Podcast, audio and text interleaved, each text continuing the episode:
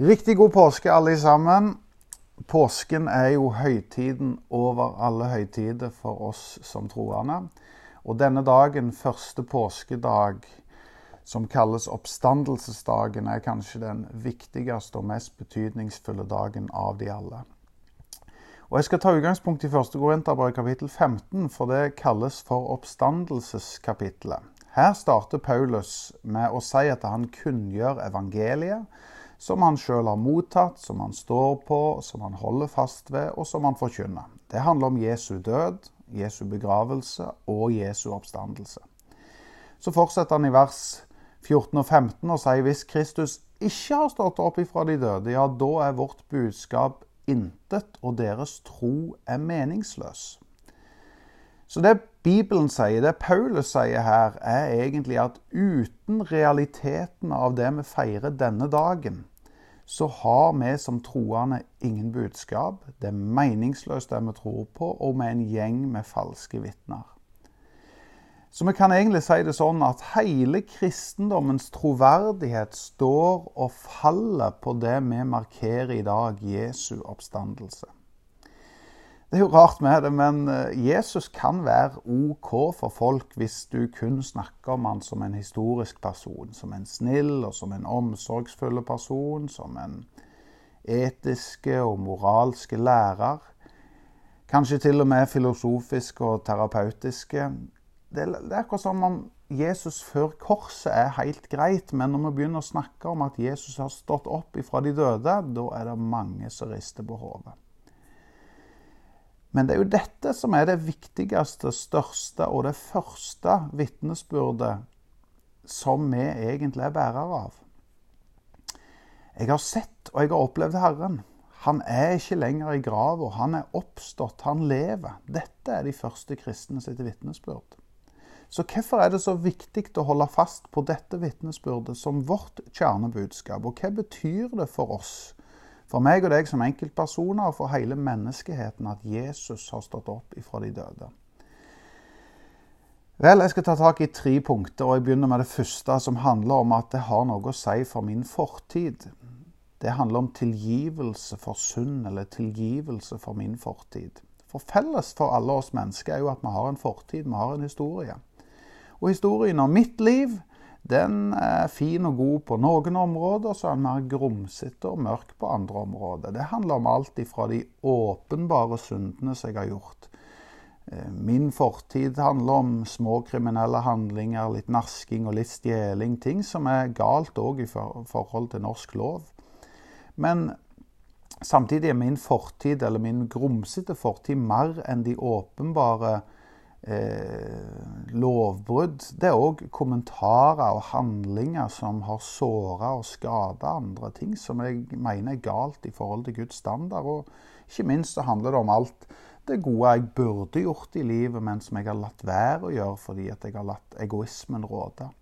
Skulle jeg gjort opp for alle mine feil og min fortid, så er det som om jeg har et stort skyldbrev imot meg. Eller sagt på en annen måte, det er som om det er en gigantisk faktura som jeg ikke er i stand til å, å, å, gjøre opp for. Det er en faktura som kommer i mitt navn fordi det er min feil og min skyld. Men jeg er ikke i stand til å gjøre opp for den.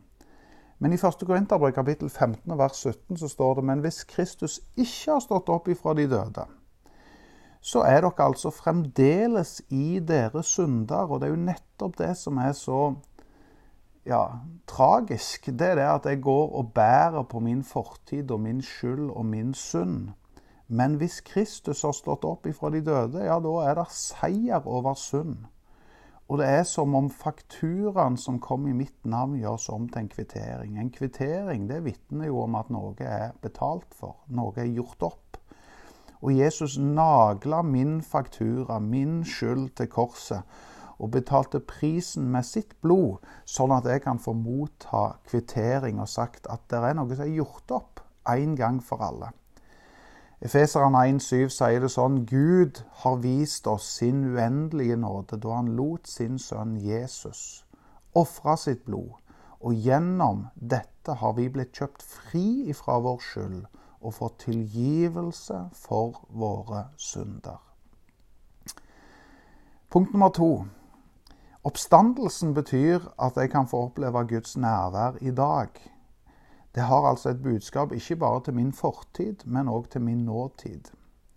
Selve oppstandelsen hadde jo ingen vitner, men engelen kom et budskap til kvinner som kom til grava, og de søkte jo etter den korsfesta, men engelens budskap var 'han er ikke her'. Og hvorfor leiter dere etter den levende blant de døde? Han er oppstanden, han er ikke her. Ja, hvor er han da? Første Korinterbrev kapittel 15 og vers, fra vers 5 så står det at han viste seg for Peter og deretter for de tolv. Deretter viste han seg for mer enn 500 brødre på en gang, og av dem lever de fleste, er det Paulus som skriver dette. Altså, når han skriver dette, så er det sånn at de fleste fortsatt lever, men noen er døde, skriver han. Deretter viste han seg for Jakob, og deretter for alle apostlene. Så i 40 dager kan vi lese om at Jesus gikk omkring og møtte sannsynligvis tusenvis av mennesker. Noen ganger én til én, noen ganger i gruppe. Han starta med Peter. Det var jo han som gikk skikkelig på trynet før Jesus døde. Og han starter med å gi Peter en skikkelig oppreisning, et skikkelig comeback. Og dette forteller oss noe om at budskapet er både personlig, det gjelder den enkelte, men det er òg kollektivt fordi at Jesus viste seg for mengden. Dette er et budskap til meg og deg som enkeltpersoner, og det er en budskap til hele menneskeheten. Deres vitnesbyrd var jeg har hørt, jeg har sett. Mine egne hender har tatt på, og nå forteller jeg det videre. Jeg har erfart at Gud er nær. Jesus sa sjøl at det er best om jeg reiser til himmelen, så Gud kan få sende sin ånd. Han skal være hos dere, og han skal være i dere.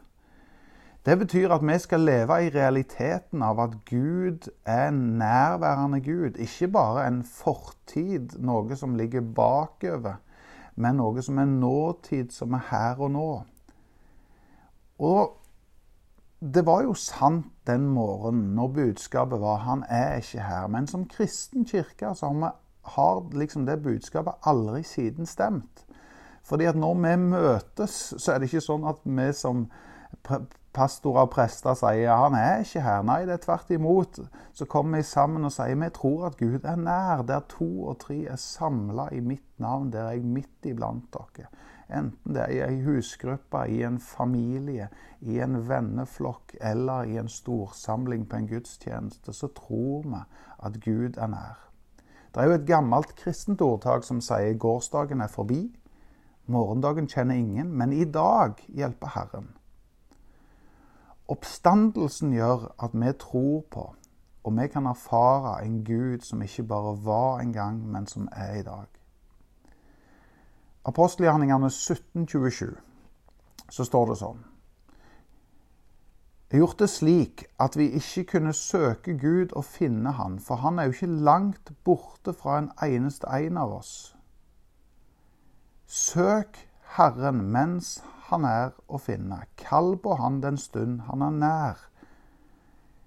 Jesaja 55. I dag er frelsens dag. Altså, dette er bibelvers som forteller noe om at vi kan få tro på at når oppstandelsen er en realitet, så er òg Gud en nærværende Gud i dag.